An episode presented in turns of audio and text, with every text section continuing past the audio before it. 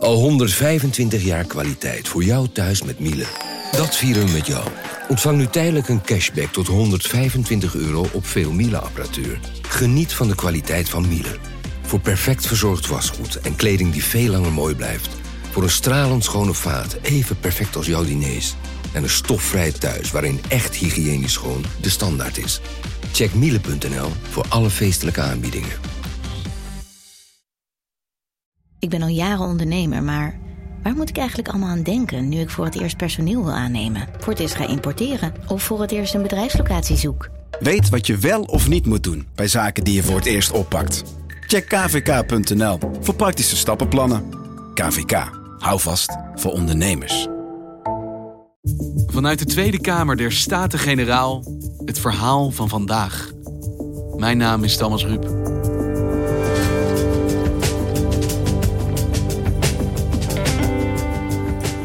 Vandaag is het Prinsjesdag en worden we bedolven onder mooie cijfers. De economie groeit. Voor de middeninkomens wordt zelfs extra geld uitgetrokken. Maar we horen nauwelijks nog iets over de zogenaamde gewone Nederlander. De kwetsbare groep die de afgelopen jaren de politieke taal juist domineerde. Gaat het zoveel beter met de onderkant? Of worden zij nu juist vergeten?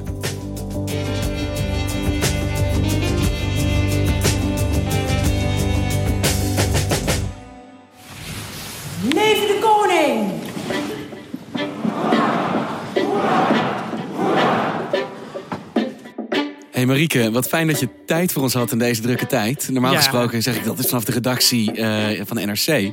Maar we zitten op dit moment in het Tweede Kamergebouw. Omdat het natuurlijk veel te druk is voor een Haagse redacteur om naar Amsterdam te komen. Ja, ik ben heel vereerd dat jullie hier helemaal naartoe komen. Dan komen wij naar jou. Ja, fantastisch. Want het is vandaag Prinsjesdag. Ja, Leden van de Staten-Generaal. Nederland de laatste. En ja, waar hebben we het dan over als we zeggen het is Prinsjesdag? ja, dan hebben we het natuurlijk over de koets en mooie jurk en hoeden. Inmiddels zijn er mensen aan het werk gegaan om te kijken wat voor jurk eh, koningin Maxima. Maar we hebben het ook over geld. Waar geeft het kabinet zijn geld aan uit? En wat krijgen mensen volgend jaar extra? Marieke Stellinga is politiek verslaggever, econoom en columnist. Dus we gaan vandaag horen hoe je portemonnee er volgend jaar uitziet. We gaan vandaag horen welke mensen erop vooruit gaan. En we gaan vandaag, denk ik, ook veel horen over de middenklasse. Opeens is dat woord overal. Het woord middenklasse. Klaas Dijkhoff heeft het erover van de VVD. De reparatie, prioriteit 1, 2 en 3 op financieel gebied zitten bij de middeninkomens. Eh, Wopke Hoekstra heeft het erover, laatst nog in zijn HJ schoollezing begin september. Die middenklasse, dat zijn hardwerkende mensen, no-nonsense. Mensen die moeten sparen eh, voor een vakantie en die ook moeten sparen om een tweedehands auto te kunnen kopen. Waarin hij pleit voor de middenklasse die vergeten is en nu extra steuntje in de rug behoeft. Ik vind dat politici meer moeten doen om de zorgen van die groep weer in het vizier te krijgen en ook op te lossen. Anders dan gaat het mis. Met economische onzekerheid, maar ook met politieke en maatschappelijke spanningen tot gevolg. We moeten die mensen helpen. We moeten nu ons eens even focussen op de middenklasse.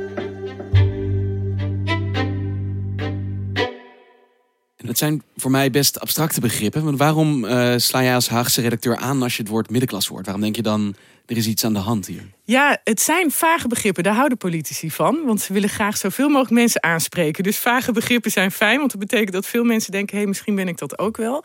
Eh, het is een accentverschuiving, een subtiel verschil. Een paar jaar geleden toen het kabinet aantrad... dat kan je misschien herinneren... ging het vooral over de gewone man. De gewone man. Eh, Jesse Klaver ging op kantinetour... op zoek naar de gewone man. Mark Rutte zei... ik hoop dat mijn regering er is voor de gewone normale Nederlander. En Sibrand Buma van het CDA had het over de gewone bezorgde Nederlander. Die gewone Nederlander wil gewoon wel werken, maar ziet in zijn beeld dat er geen baan is. Of als er een baan is, dat die door een ander is ingenomen. Hij wil zijn kinderen een goede toekomst geven. Hij wil een samenleving waar mensen gewoon omzien naar elkaar. En nu hoor je meer de term middenklasse. En dan kan je denken, wat maakt dat uit? Maar dat maakt toch een beetje uit. De gewone man, dit ging zeker ook, dat hebben we ook toen aan de politici gevraagd, over de onderkant van de maatschappij. Steeds loopt die gewone Nederlander vast tegen de muur op. Die baan is vergeven, in zijn ogen aan immigrant of aan een Oost-Europeaan. De opleiding voor de kinderen is veel te ingewikkeld en theoretisch geworden. En de gewone man was degene die misschien wel, hè, dat zat nog heel erg in de Haagse genen hier, op Brexit in uh, Engeland had gestemd. Of op Trump in Amerika, die zijn baan bedreigd zag door fabrieken die naar China gingen. En die uh, onzeker en bezorgd was. Dus die gewone man was een brede groep, maar die zat zeker ook inclusief de onderkant. Nu hoor ik VVD en CDA met name het praten over de middenklasse. En dan denk ik, hé, hey, zijn we nou die mensen aan de onderkant vergeten? Zijn we die kwijt? He? Hoeven we daar onze aandacht niet meer aan te besteden?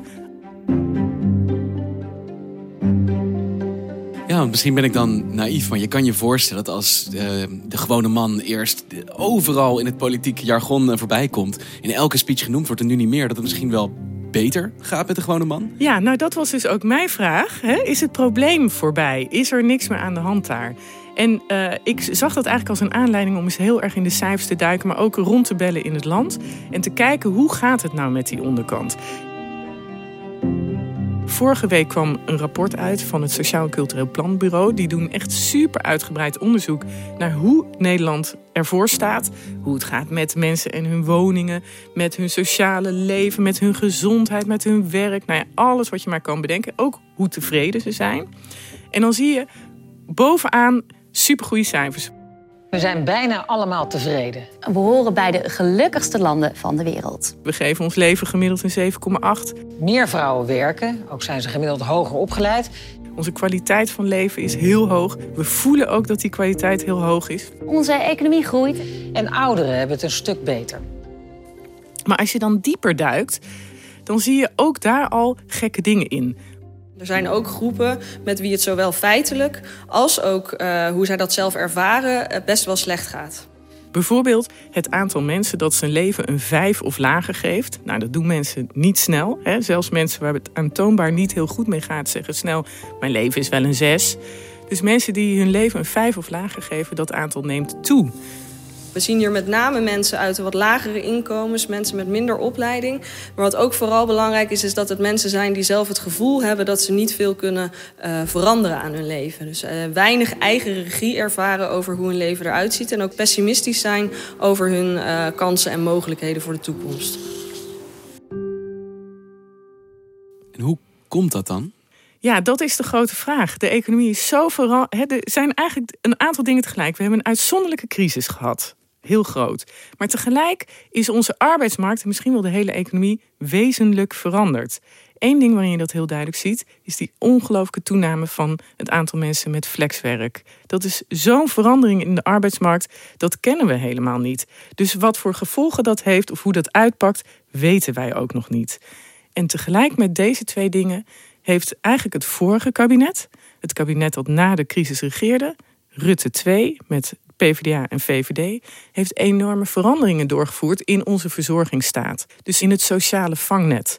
Daarvan is heel veel naar gemeenten gegaan, die moeten dat nu uitvoeren. Tegelijk is heel veel veranderd aan de regelingen. En er is ook nog op bezuinigd. Dus je ziet, als je die drie dingen tegelijk neemt, die grote veranderingen, die grote impact, waarvan we een deel ook nog niet eens weten hoe die uitpakken, dat daardoor nu de vraag is: hoe staan burgers er eigenlijk echt voor? Er ligt nu een beetje een deken van economische groei overheen. Als je die deken eraf trekt, stel dat er weer een recessie een keer aankomt, wat zien we dan? Daar kunnen we eigenlijk niet goed antwoord op geven. Want hoe onderzoek je zoiets? Hoe ga je erachter komen hoe het echt zit, wat er onder die deken gebeurt? Ja, dan kan je eigenlijk alleen maar doen wat een journalist kan doen. En dat is je neus achterna en mensen bellen en denken: Goh, hoe, wat voor verklaringen geven zij? En dan kom je nou ja, bij een rechter, een wethouder. En die blijken allemaal hetzelfde te zien. En dan denk je, hé, hey, misschien is hier, hebben we hier iets te pakken. Daar begint het voor jou. Je gaat bellen, je belt een rechter, een wethouder. Ja. En je vraagt, hoe kijken jullie naar ons land? Waarom stijgt het aantal daklozen?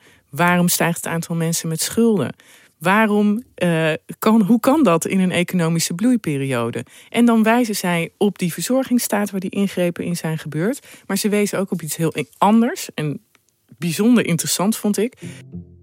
Zij zeggen, de steun, de financiële steun aan mensen die niet veel verdienen, gaat in Nederland in de vorm van belastingtoeslagen. Ik weet niet of je, die, uh, of je er ook een hebt of dat je die kent. De huurtoeslag, de zorgtoeslag, de kinderopvangtoeslag, het kindgebonden budget. Ik zou je eerlijk zeggen dat het moment dat ik het woord toeslag hoor, dat gebeurt nu ook mijn hartslag dus ietsjes omhoog gaat. En ik bang ben en denk aan al die enveloppen die zich nog Nou. op mij liggen te wachten ergens. Wat je daar zegt is precies het probleem van die toeslagen. De Belastingdienst keert ze uit. Maar iemand moet een ja, eigenlijk voor het komende jaar inschatten wat hij gaat verdienen. om die toeslagen alvast op zijn rekening te krijgen. Dus je krijgt nu een toeslag, maar eigenlijk is dat een voorschot. En dat krijg je elke maand op je rekening.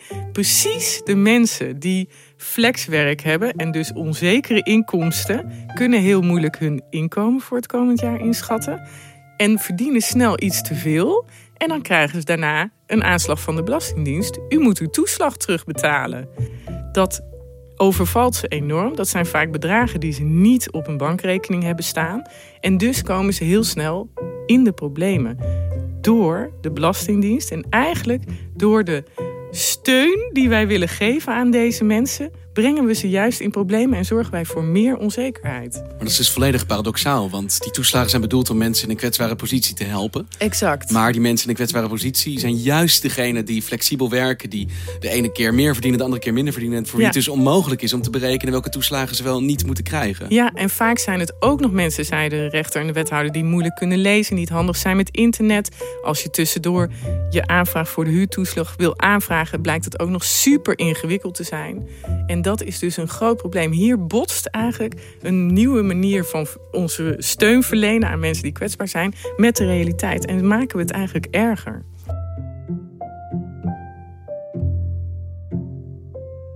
Want tot wat voor situaties leidt dat dan, wat je net beschrijft? Dus mensen in kwetsbare posities die eigenlijk ja, niet meer weten wat ze moeten krijgen, wat ze moeten terugbetalen. Ja, dat leidt tot mensen die in schulden komen. Die schulden die lopen heel snel op. Kijk, hier worden ook vaak, zei de rechter, dan nog even een paar slechte beslissingen genomen door de mensen zelf. Hè? Dus het is echt niet dat zij niks verkeerd doen. Maar die schulden lopen op. De mensen zitten opeens jaren vast met een schuldprobleem, mogen niet meer hun eigen financiële beslissingen nemen. Kan je je voorstellen, komt er iemand en die gaat over jouw geld. En dat leidt vervolgens weer tot extra kosten bij de gemeentes. En tot een probleem waarvan iedereen zegt: ja, dit is helemaal niet de bedoeling van hoe wij dit georganiseerd hebben. Dus je hoort eigenlijk het hele jaar tot nu toe hoor je middenklasse, middenklasse, middenklasse uit, uit de mond van alle politici bijna. Maar eigenlijk zeg je dat zou gewoon nog steeds, net als de jaren hiervoor, gewone man, kwetsbare groepen onderkant moeten zijn. Ja, ik zou zeggen allebei. Doe ze allebei. En het is ook niet. Kijk, het kabinet doet wel dingen hè, aan deze onderkant. Er is een eh, schulden- en armoede-aanpakplan. Er is een actieplan daklozen. Hè, Het is niet dat ze het volkomen negeren of er niks aan doen. Maar eigenlijk wat alle deskundigen en ook die wethouder constateren, is hier is een systeemprobleem. Hier dreigt iets in het systeem mis te gaan. Dus de ingrepen die je moet doen om dit te verhelpen zijn veel groter. Bijvoorbeeld, zegt die wethouder, schaf die toeslagen af. Hou er helemaal mee op. Hef gewoon veel minder belasting op mensen die weinig verdienen. En hou op met dat toeslaggedoe, want dat veroorzaakt alleen maar problemen. Nou, dat soort grote ingrepen, die doet dit kabinet niet. En die zijn wellicht wel nodig. Als ik jou nu hoor en tegelijkertijd hoor ik al die positieve voorspellingen, eh, hoor ik groeicijfers, dat het goed gaat met de economie, dat we onszelf een 7,8 geven. Staren we ons blind op dit soort cijfers? Ik krijg een beetje de neiging om te vragen van, hoe gaat het nou echt met je, Nederland? Ja, precies. Ik denk dat je daar echt een punt te pak hebt. Hoe gaat het nou echt met Nederland? Daar zit onderhuids, onder die mooie cijfers, zit iets. Daar is iets aan de hand. En dat gevoel is in Nederland absoluut aan de orde, maar ook breder in het Westen.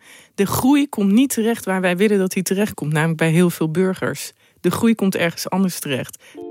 Daarom heb je ook al die vragen over het kapitalisme. Werkt dat nog wel? Moet het niet totaal anders worden georganiseerd?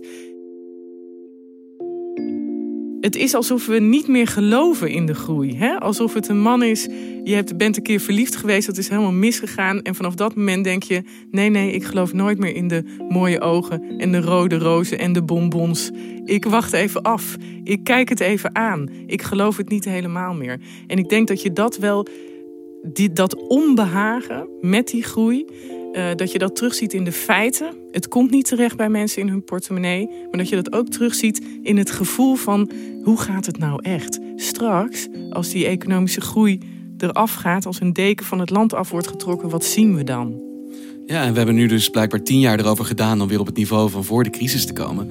En nou ja, als ik NRC een beetje goed lezen, bijvoorbeeld ook de columns van Maarten Schinkel, dan is het helemaal niet ondenkbaar dat er binnen afzienbare tijd weer een crisis aankomt. En gaan die mensen die hij beschrijft, die nu zo worstelen aan die onderkant, Ja.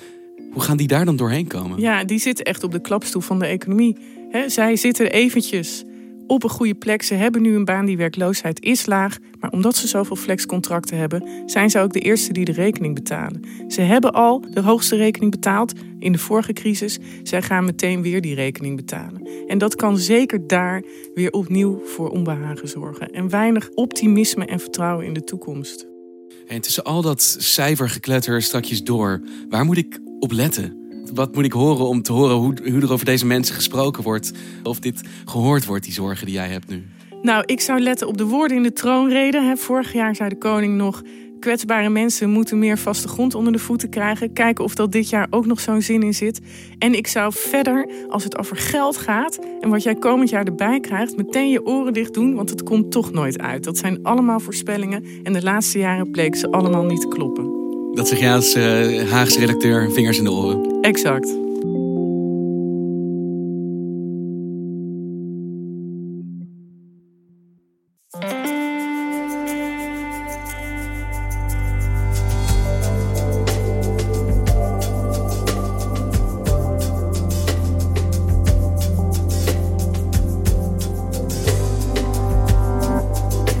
Je luisterde naar vandaag, een podcast van NRC.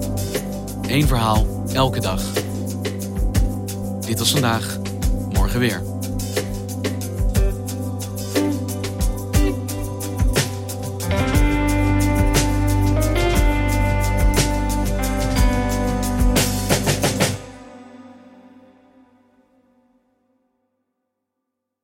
Technologie lijkt tegenwoordig het antwoord op iedere uitdaging.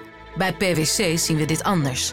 Als we de potentie van technologie willen benutten, kunnen we niet zonder een menselijk perspectief. Human-led, tech-powered noemen we dat. Ga naar pwc.nl.